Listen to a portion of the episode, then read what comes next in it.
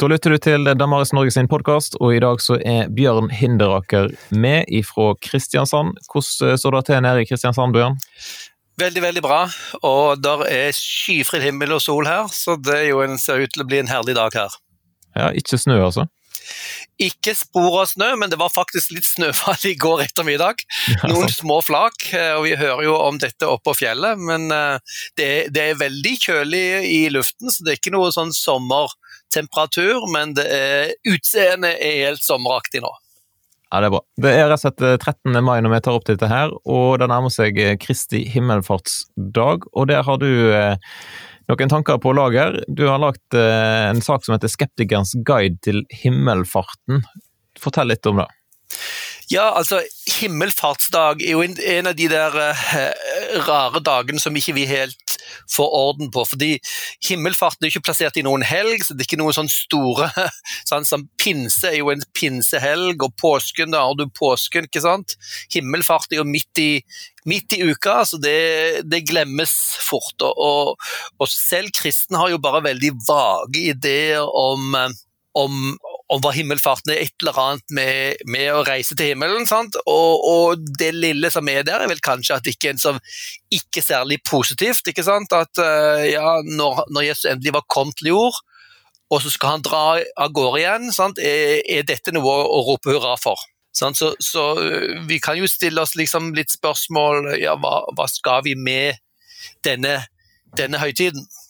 Og egentlig er det ganske mange spørsmål vi kan stille til, eh, til eh, selve himmel, himmelfartsfortellingene og, og, og, tankene. Så, som, eh, og, og, jeg tenker det å, å, å, stille disse skeptiske spørsmålene, kritiske spørsmålene til, til det vi tror på, får oss til å tenke, tenke klarere og, og se nye ting. Ja, da blir jo gitt et litt sånn tullenavn òg. En snakker om himmelspretten, eh, mm. bruker den, det begrepet. Sånn at eh, det kan jo bli noe som en bare tuller og tøyser med. Men eh, er det grunn til å være skeptisk? For det er jo bare kun Lukas som nevner den historien her. Eh, så, og det er et vanskelig begrep, dette med himmelfart. Mm. Vi var veldig skeptiske? Ja, og Det er kanskje litt vanskelig å se for seg hva som egentlig skjer her. Det, det, det er rart. Det er jo da et, et, under igjen, ikke sant. Eh, vi har også snakket om hvor noen, noen er til stede og så forsvinner fra, fra jorda. Så, så, men, men, jeg vil si sånn, sånn i utgangspunktet så, så, så, er det slik at hvis, hvis vi aksepterer Jesu oppstandelse, sant, eh, så hører uh, himmelfarten med i den pakken. Jesu oppstandelse er jo faktisk en ting som kan argumenteres for ut fra rene historiske premisser.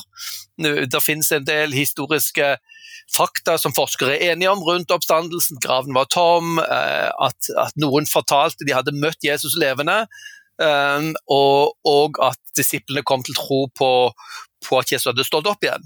De tre historiske fakta er jo historikere veldig bredt enige, enige om, og, og det, med de tre fakta der, så kan man faktisk argumentere ganske, ganske sterkt for at den beste forklaringen, og faktisk den eneste forklaringen som forklarer alle disse fakta um, enkelt og greit, er om Gud reiste Jesus opp fra de døde. Sånn, så, sånn at Jesu oppstandelse kan faktisk argumenteres for historisk, men det må innebære et under, så, så, det gjør jo at en del har problemer med den forklaringen.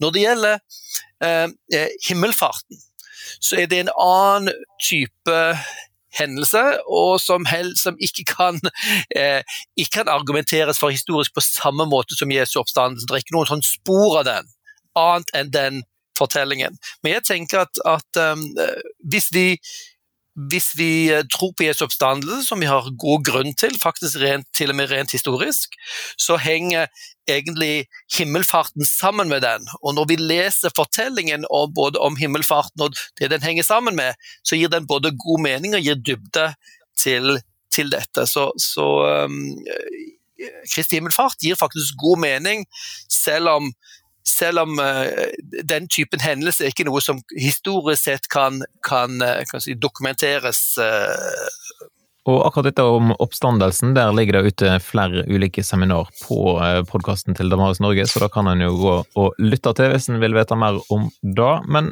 dette med at det er kun eh, Lukasevangeliet som har med denne historien her, er ikke det litt merkelig? Når du har jo fire evangelier, og veldig masse er jo likt i de fire evangeliene, mm. men eh, kun her er det himmelfarten nevnt. Ja, det, det, er rart. Hvis du, hvis du, tar for deg evangelienes avslutninger, så, så avslutter jo Matteus med det vi kaller misjonsbefalingen. Se, jeg er med dere alle dager inn til verdens ende. Og, og med tanke på, på, himmelfarten, så er jo det nesten litt sånn ironisk. Se, jeg er med dere, og så drar han igjen. Ikke sant? Eh, mm. Men Matteus avslutter med, med det, den misjonsbefalingen og løftet at han er med alle dager.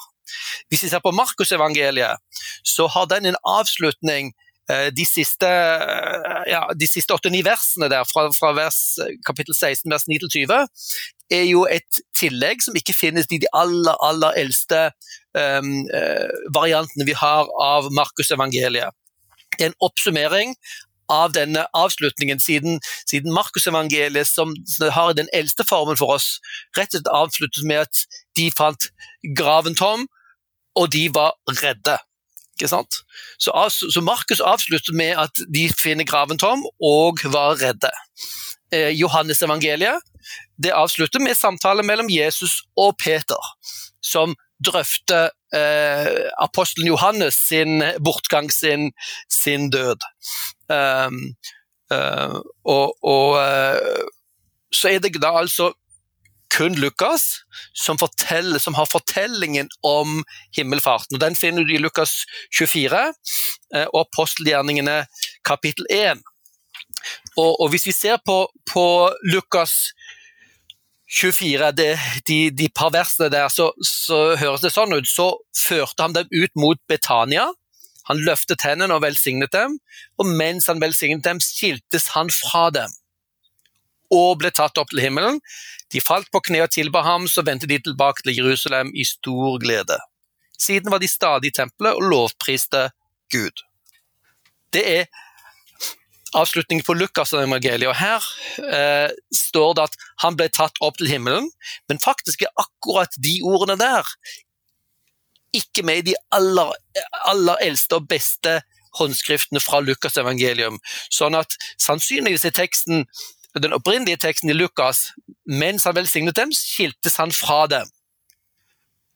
De falt på kne og tilba ham. Så, og så mm. kommer, eh, men, men, det er jo da interessant, i Lukas så står det jo at de, at de eh, tilba ham og vendte tilbake til Jerusalem i stor glede. Så altså, det er et eller annet her med hvordan, når, når han skiltes fra dem, um, hva var det som kunne gi dem denne her store gleden? Det er et eller annet uh, underforstått her som, eh, som, ligger i fortellingen, som ikke fortelles. Og så kommer, uh, og så kommer apostelens gjerninger, som, som, har den mest utfyllende um, utfølgende fortellingen, og det har utgangspunkt i en diskusjon om, om, med disiplene, hvor de spør Jesus ja, er tiden kommet nå for å opprette Israel, som er jo ganske, ganske interessant. Fordi at det ser ut som disiplene på den tiden fortsatt trodde at det Jesus kom for, var å, å gjenopprette Israel, jødenes land og jødenes folk. Um, og hvor Jesus svarer at nei, det var, det var noe større. Um, sant? Den, når Den hellige ånd kommer, over dere, uh, skal dere være mine vitner i Jerusalem, Judea, Samaria, helt til jordens ender. Dette her er mye større enn bare Israel. Og så kommer selve himmelfartsfortellingen i vers 9 i apostelgjerningene 1.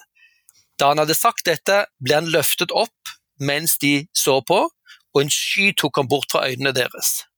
Som de nå stirret mot himmelen mens han dro bort, sto med ett to menn i hvite klær foran dem og sa, Galileere, hvorfor står dere og ser mot himmelen? Det er en Jesus som ble tatt bort fra dere opp til himmelen. Han skal komme igjen på samme måte som dere har sett ham fare opp til himmelen. Så her har vi da eh, fortellingene fra Lukas, begge er skrevet av Lukas, og han forteller at de var nede i Jerusalem, som er et interessant element. Hvorfor, hvorfor drar ikke apostlene hjem sant, etter, etter, Jesu oppstandelse. Hvorfor går de ikke tilbake til sine normale liv i, uh, i Galilea, der hvor de fleste de kom fra? Um, for vi vet at de var der en periode etter Jesu oppstandelse, sant? men nå befinner altså hele apostelflokken seg i Jerusalem. Og det står at de var i tempelet. Uh, og vi vet fra uh, det som kommer pinsen noen få dager etterpå, så var apostlene samlet i Jerusalem. Så det er altså en, um, denne fortellingen at dere skal bli i Jerusalem sant, til ånden kommer, um, synes å, å, å, gi veldig god mening ut, ut ifra disse bevegelsene til apostlene, som vi ellers skulle tenke var, var reist liksom, tilbake, hjem, hjem, og tilbake. Så, så um, du kan si at denne, denne, fortellingen om himmelfarten, det er liksom et, et, et puslespillbrikke som ellers ville stått som et tomt rom. Um, og, og, og, som gir mening til at du finner hele apostelflokken i Jerusalem i denne perioden rundt pinse, ikke sant? Um, og hvor de plutselig Hvor de da får en, får en um, Ja, får en, uh, en ny forståelse av, av oppdraget sitt. Det hadde jo vært interessant å skutte inn et lite spørsmål til, for da kan folk lure på Nå nevnte du Markusevangeliet, dette med at det slutta med at de var redde ja. i Markus 16,8. Eh, har du noen tips bare om enten bøker eller hvor en kan gå og lese hvis en vil finne ut mer om dette? her? Altså, hva, hva er egentlig greia med slutten på Markusevangeliet? Ja, um, um, vi, vi, har en, en uh, vitenskap som kalles tekstkritikk som ser på de, de, de aller eldste håndskriftene vi har fra, fra Bibelen. Um, og uh, når det gjelder uh, Bibelen og Nytestamentet, så er det egentlig det, en av de aller, aller best bevarte skriftene fra antikken. Uh, og, og um, det er jo slik Når du skriver håndskrift med hånd, så vil det jo alltid være forandringer og endringer. sant? Eh, du greier aldri å skrive helt 100% riktig av, sant? så kopieringen endrer seg. Men fordi vi har så, så stort antall uh, håndskrifter av de virkelig virkelig gamle uh, skriftene fra hele Nytestamentet, så har vi en stor vitenskap som kan sammenligne alle disse manuskriptene, som er, er, er flere tusen. Uh, og der hvor det dukket opp endringer, så kan man sammenligne de, og så kan man argumentere seg fram til hva var, hva var den opprinnelige slutten. Uh, uh, og, og når, det gjelder, når det gjelder Nytestamentet, så er det en god del endringer. Hvis du ser antall endringer, så er det et svært antall. Men, men, hver gang det er en liten bokstav, eller du istedenfor å si 'har Kristus Jesus', 'har Jesus Kristus', så ses på det som en endring. Det er sånne, sånne typiske uh, små endringer som du finner mye av i Nytestamentet. Det finnes et par få større um, avsnitt som, som tekstkritikere, sant, som forskere på disse eldste manuskriptene, sier at de var sannsynligvis ikke del av de aller eldste skriftene, um, men er sannsynligvis lagt til for å full, for å fullende noe. Sånn, som, så, så, avslutningen av, av Markusevangeliet er en av de liksom, store avsnittene hvor det er liksom flere vers i, i, en, i et sted som, som, tydeligvis ikke er aller, av de aller eldste manuskriptene.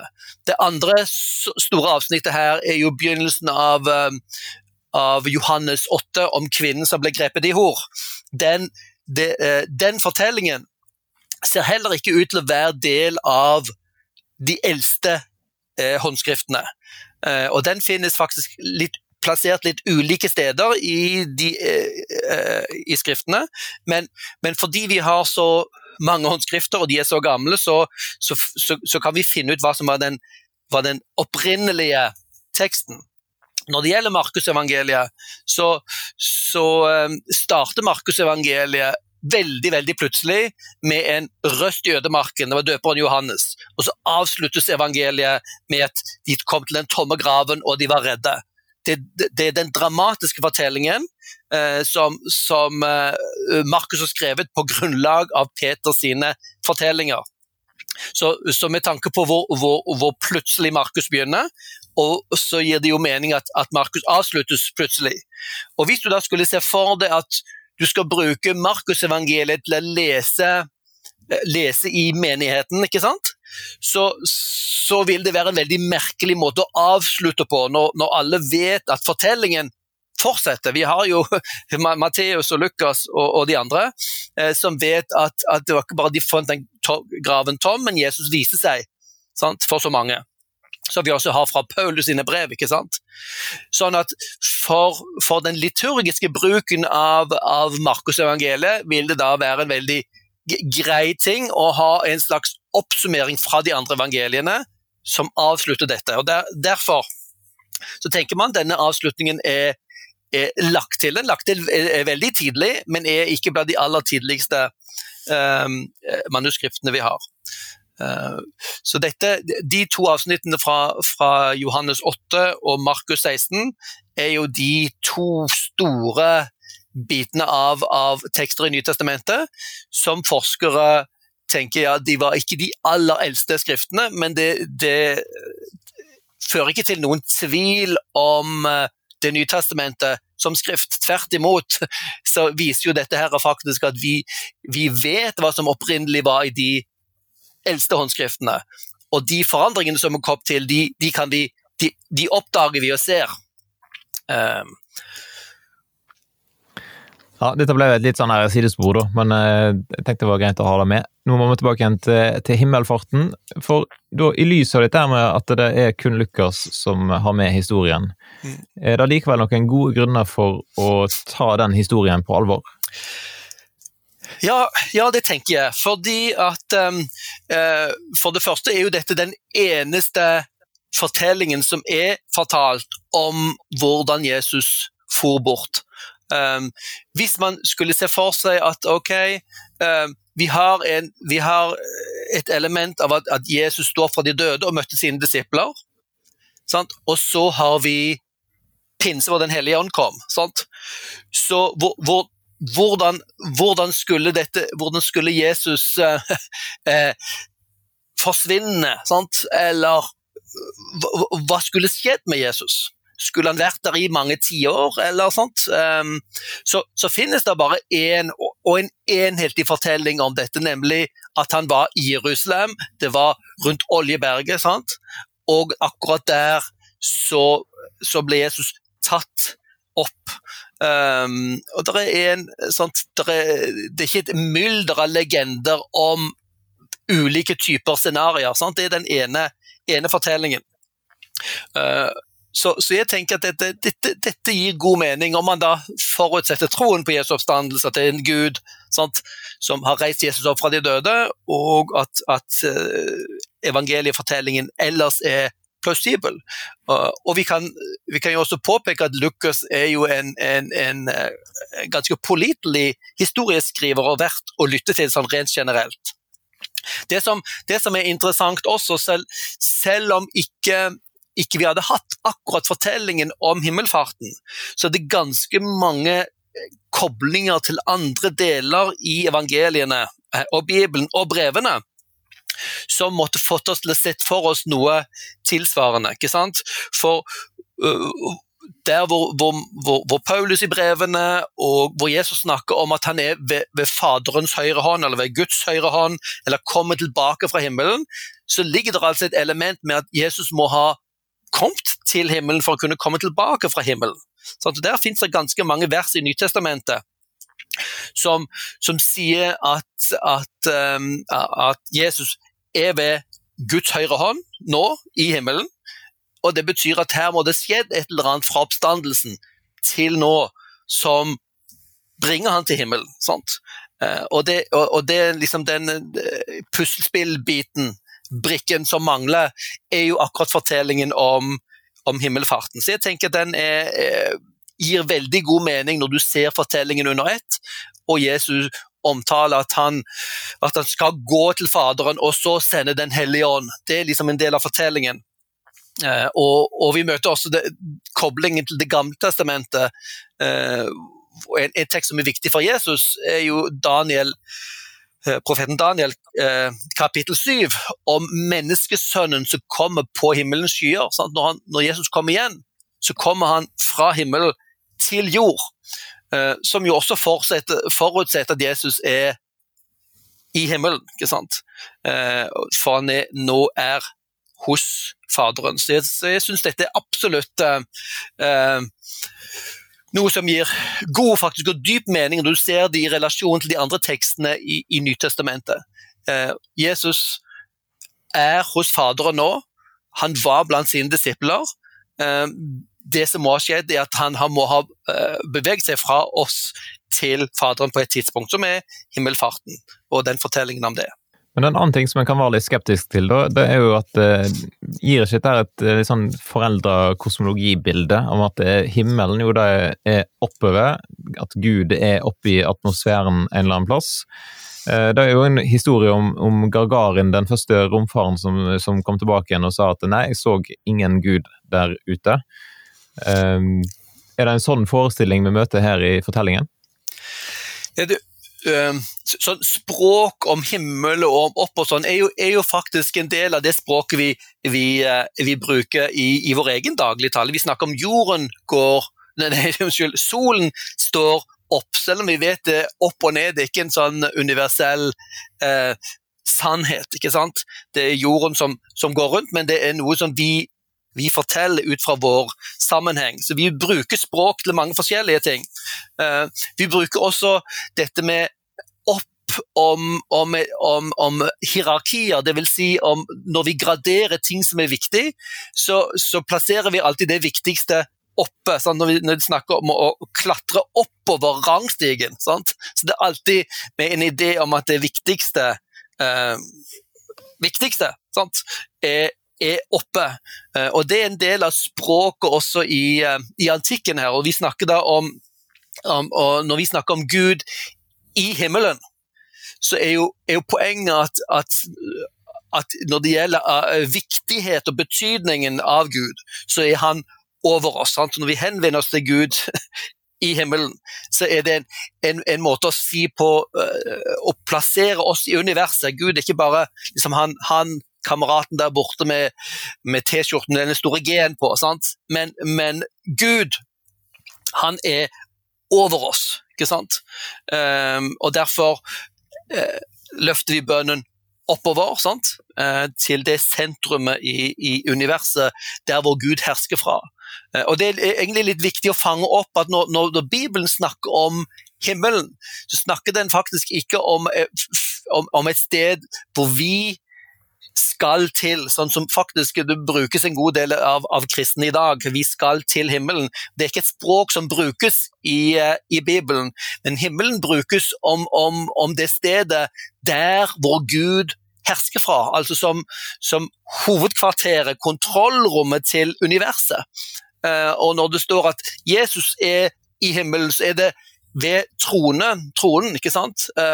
Som for oss vil være som tilsvarende et, et, kontrollrom, der hvor en kontrollerer universet. Uh, og, og, og, og, Guds himmel, som er over oss, det er også et, et, sted som kan komme i kontakt med vår verden. ikke sant? Når, når, Gud, når Gud, bryter inn i vår verden uh, uh, gjennom Guds engel, ikke sant? eller i Guds tempel, hvor Guds nærvær var. Ehm, eller i, Jesus Kristus, som kom Gud, som kom på sett og vis himmelen i kontakt med jorden. Så når vi snakker om, uh, om, uh, om, himmelen her, så snakker vi egentlig om, om, Guds dimensjon og det stedet i universet, kan du si, den dimensjonen i universet der hvor Gud hersker fra. Men i teksten i apostelgjerningene så står det om ei sky som tok han bort. Hva er det for noe? Har denne skya en slags spesiell betydning? Ja, ja, faktisk. Jeg tror, jeg tror, det er et viktig poeng der. Vi, vi, vel ser for oss at Jesus farer opp til himmelen, at han forsvinner høyt opp i en sky, ikke sant? langt vekke. Han blir så liten, og så forsvinner han opp i skyene. Men jeg tror ikke det er, er, er poenget her. For skyer i, i, Bibelen har en helt spesiell betydning, som du finner helt, helt fra tilbake til Gamle testamentet og beretningen om utferden fra Egypt og, og vandringen til Israel, hvor, hvor, Guds nærvær var i form av en sky. Um, og, og, Gud møtte sitt folk på Sinai fjell. Sant? Da var det en sky som, som, satte seg på toppen av fjellet, som representerte Guds nærvær. Når, når Gud tok, eh, tok plass inn i sitt tempel, så var det skyen som gikk inn og tok plass i tempelet. Så sky i Bibelen er et veldig klart bilde på Guds nærvær. Sånn at det, det kan du si, hvis, hvis, dette her er, vi ser for at dette er Gud som vil forklare disiplene noe om hva som egentlig skjer her, så er, er det at Jesus ble tatt bort i denne skyen. Da var det Gud som hentet Jesus Kristus inn i sitt nærvær. Og vi snakker altså her om, om ikke, ikke, noen som drar opp og, og, og, og skal sitte i atmosfæren, men, men om, en, om en annen dimensjon, sånn himmelen. Uh, uh, Guds kontrollrom er en annen dimensjon. Den er, den er, til stede, Gud er til stede overalt, uh, men den er ikke tilgjengelig for våre sanser. Så, så, himmelfarten er egentlig en, en fortelling om, om transcendent, om, om, om Jesus Kristus som er fra evighet som Guds sønn, som kom til vår jord, og så vende tilbake til den dimensjonen hvor han hører til, hvor han er med å styre og herske over hele sitt skaperverk, eller, eller universet, som vi vil si det. Så det dette med at uh, Himmelfarten det er jo på en måte et ubehagelig budskap. At Jesus han kom til jord, men så forlater han disiplene igjen. Uh, det må jo ha vært en ultimat nedtur for uh, disiplene som står igjen. Et svik. Mm. Ja, ja liksom når, når uh, Hvis man leser, leser, fortellingen i Bibelen om at ja, nå Jesus kom til jord, så skal han endelig være med oss, ikke sant? Og så er jo himmelfarten en fortelling om at han drar igjen. Så, så, så uh, hvis vi hadde lest det sånn, så hadde det vært en skikkelig nedtur, sånn som du sier. Men jeg tror hvis, når, når, vi forstår hva himmelfarten er for noe, så, så, um, så vil vi si at dette her er noe, er noe skal forstås på en annen måte. Det er ikke, ikke bare han drar vekk, men det er en, en for, for, I fortellingen om Jesus er dette veldig tydelig en, en overgangshendelse. Det er, det er, vi, ser, vi, finner den på slutten av Lukas og begynnelsen av apostlenes gjerninger. Um, og hvor du ser uh, det, er, det, er, slutten på Jesu uh, si, uh, aktivitet og frelsesverk her på jord og så er de apostlene i begynnelsen på eh, eh, misjonsoppdraget. Og det er faktisk her i apostelgjerningen den passer aller best, fordi at eh, i Jesu fravær, når Jesus drar bort, så er det for å overlate oppdraget til sine, eh, sine apostler. Og Dermed så ser vi at, at Jesu, Jesu himmelfart det, det, skaper en endring i denne fortellingen. Det skaper et endret nærvær, mens mens Jesus hadde vært fysisk til stede blant sine eh, apostler og sine venner eh, mens, han var, eh, mens, han var, her, så ikke, ikke Jesus vekke, men han sender sin ånd tilbake for å bo hos sitt folk og hver og en av oss. Så det er et endret type nærvær. Og, og hadde Jesus bare gått og spasert blant oss, så kunne han ikke vært så nær som han faktisk er uh, hos hver og en av oss som tror på han, og hvor han bor hos oss i hjertet vårt ved Den hellige ånd. Det er et nytt type nærvær.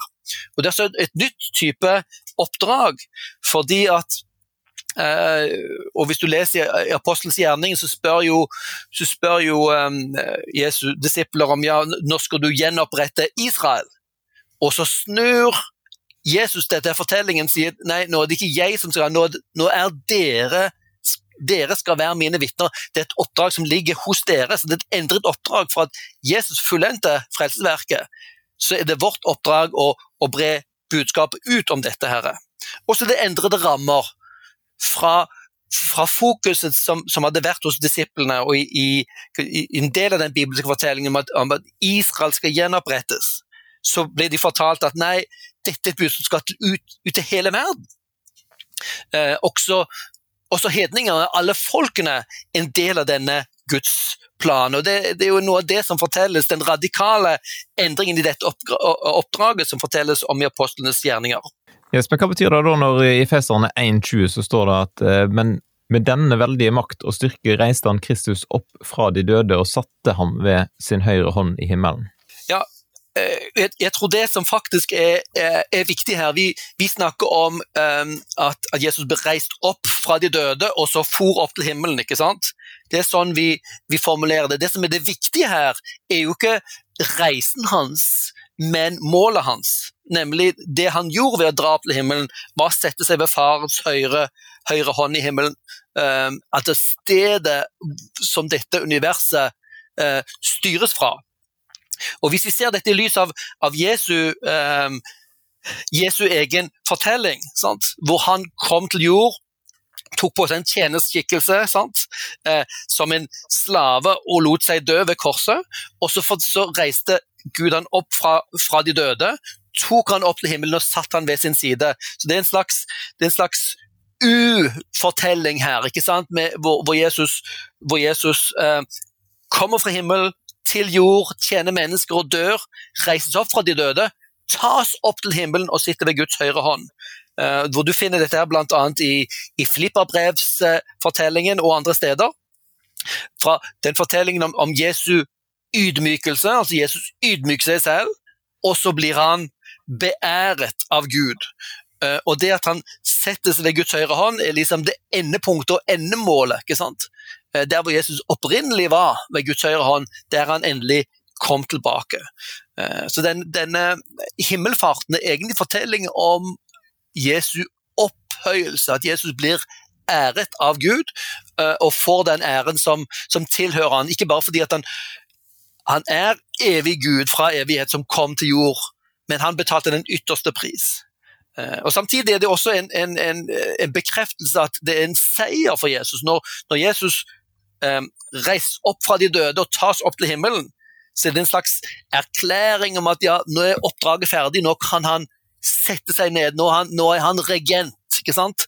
Hvor, hvor, hvor uh, drar opp, eller for opp til himmelen, er jo egentlig som en slags kroningsferd, hvor, hvor poenget når, når, når, kongen eller dronningen drar inn i, i, katedralen for å bli kronet, så er ikke poenget den eh, prosesjonen. Men poenget er når, når kroningen har skjedd, så er man regent og begynner å regjere. Så, så, når, så, så, himmelfarten er egentlig på veien til å sette seg ned for å, um, å, å herske over universet igjen. Eh, også en slags erklæring av den endelige seier over ondskapen. For da er det sånn at Himmelfarten forteller oss at Jesus nå er i himmelen, men hva, hva gjør han på der?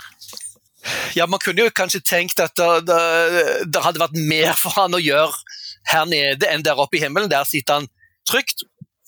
Eh, og der lyder, lyder alle hans tjenere hans minste vink. ikke sant? Eh, skje din vilje på jorden som skjer i himmelen. Vi kunne sannelig trengt han litt mer her nede, kunne vi tenke. Eh, men da må må vi ha klar for oss her at himmelen i denne bibelske forstanden er jo ikke borte. Altså Ikke det at han er, er verken borte fra oss, eller at han er inaktiv. Det er sånn at, heller sånn å forstå at Jesus beveger seg inn i kontrollrommet, sant? i hovedkvarteret, eh, for de som, som styrer historien. Eh, og det er jo en, en, uh, en interessant ting, fordi eh, det, det, Jesus gjør i himmelen, er jo å herske. sant? Det er det som skjer ved det som kalles ved tronen i himmelen. Eh, hvor han styrer universets historie, ikke sant? Eh, og, hvor han har sine planer.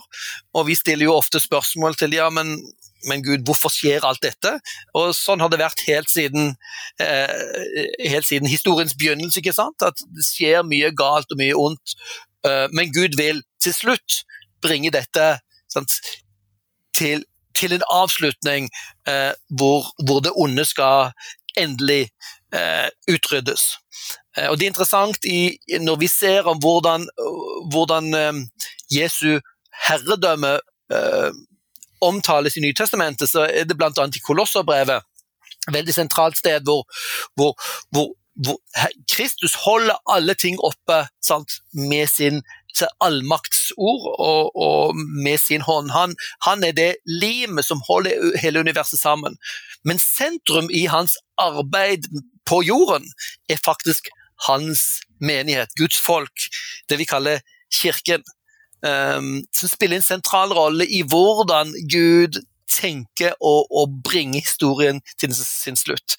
Vi har en spesiell um, rolle i hans måte å herske på, hvor vi inviterer mennesker med til å, til å anerkjenne denne universets konge, universets herre, som er Jesus Kristus. Sånn, vi tilber han, vi skal leve ut hans, eh, hans vilje her på jord, og peke på Guds godhet og Guds vilje, og invitere mennesker med inn i Guds framtid. Så, så, på den ene siden så er det fra himmelen så hersker Jesus.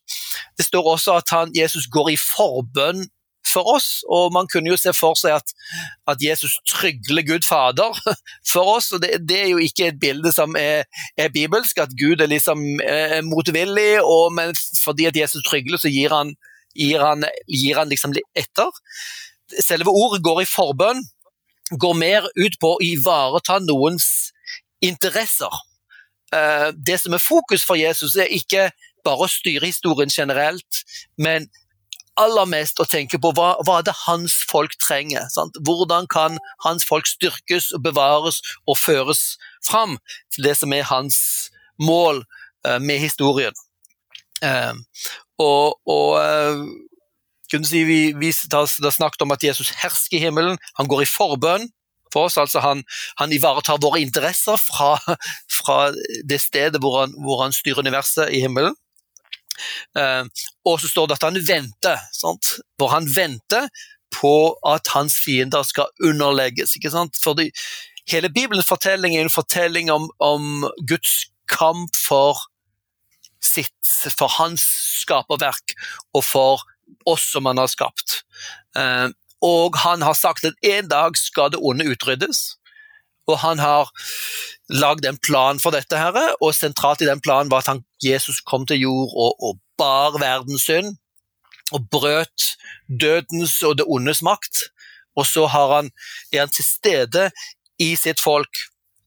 Eh, og akkurat nå så opplever jo Guds menighet faktisk det onde eh, på kroppen mer enn kanskje noensinne. Hvor Guds folk blir forfulgt. Uh, og, og um, det skal minne oss om at uh, han som er i himmelen og har kontrollen, han skal en gang komme og sette alle ting i rettsskikk. Og han venter på at den ondskapen en gang skal, skal brytes.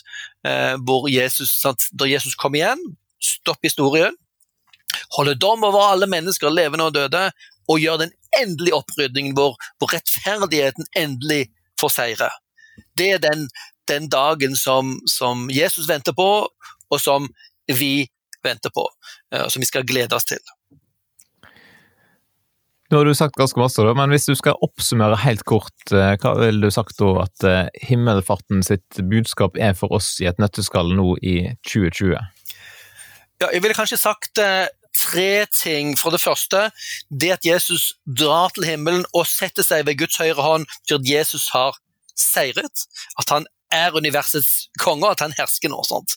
Så, så vår, vår eh, relasjon til Jesus er, er det som, som avgjør um, hvem vi er og vårt forhold til, til universet. For det andre så så forteller Nytestamentet at vi er oppreist. I Jesus seier så, så, får vi del i hans seier. Og på sett og vis så sitter vi ved ham i himmelen, som det står i Efeserbrevet og Kolosserbrevet. Vi har del i Guds seier. Han har gitt den seieren til oss, som vi får del i rett og slett som en gave i tro.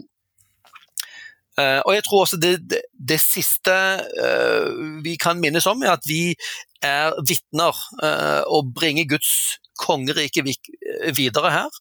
Jesus er kongen som sitter ved Guds høyre hånd.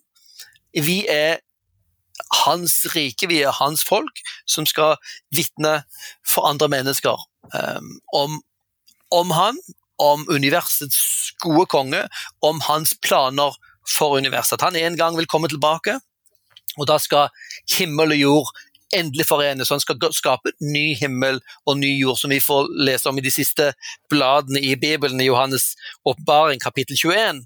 Eh, og da skal himmel og jord forenes når Jesus skal komme igjen, for han skal komme til oss. Så det er en del av himmelfartens uh, budskap, at Kristus sitter der i himmelen og skal en gang komme tilbake til oss um, og, og, skape den endelige endelige harmonien og oppfyllelsen av alle sine løfter. Det kan jo være fristende å måte, stå da, og kikke opp og, og vente, kommer ikke Jesus snart igjen? Det var jo litt da du leste om i apostelgjerningene nå, for så vidt. Eh, det er mm. kanskje ikke da fokus vi skal ha? Nei, og, og, og, der har vi jo den fortellingen som kommer videre. I, I, noen dager etter dette så fikk, opplevde jo apostlene at, at denne Hellige Ånd kom og, og tok, tok, bolig hos de, som jo da er Guds nærvær hos Guds folk hos oss. Som, som eh, delvis overfører Jesu oppdrag til oss. Vi skal ikke frelse verden, ikke sant? men vi skal være vitner om han helt til verdens ende. Så vi skal, Det, det, det står jo i, i Kolosserbrevet eh, kapittel 3 om at vi skal løfte vårt blikk til himmelen. Ikke fordi vi skal til himmelen, men for der sitter Kristus. sant? Eh, ved Guds høyre hånd. Han styrer universet. Sant? Selv om vi virker små og dette virker håpløst, så er det en som har kontrollen. Vi skal finne trøst og, og, uh, og, trygghet og retning ved å ha fokus på han som, som hersker der. Og så uh, får vi også får vi også kraft til å, å leve dette livet sant? Og, og, tjene Han og bringe dette budskapet ut til hele verden. Så, så vi skal feste blikket på hans, på Jesus Kristus som sitter i himmelen. Ikke for å drømme oss vekk, men for å få den kraften vi trenger for å holde ut og for å, og for å tjene, eh, tjene, Jesus Kristus her blant, eh, på, han, på, hans skaperverk og hans mennesker. Yes, Da tror jeg det var eh, siste ordet, rett og slett. Da ønsker jeg alle en god Kristi himmelfartsdag. Det er rett og slett den 21. mai nå i 2020, så da kan du jo lytte en gang til ekstra gjennom denne podkasten her, og så kan du feire Kristi himmelfartsdag med ja, hva feirer en egentlig Kristi himmelfartsdag med? God mat? Gode tanker også. Gode tanker og god mat. Supert.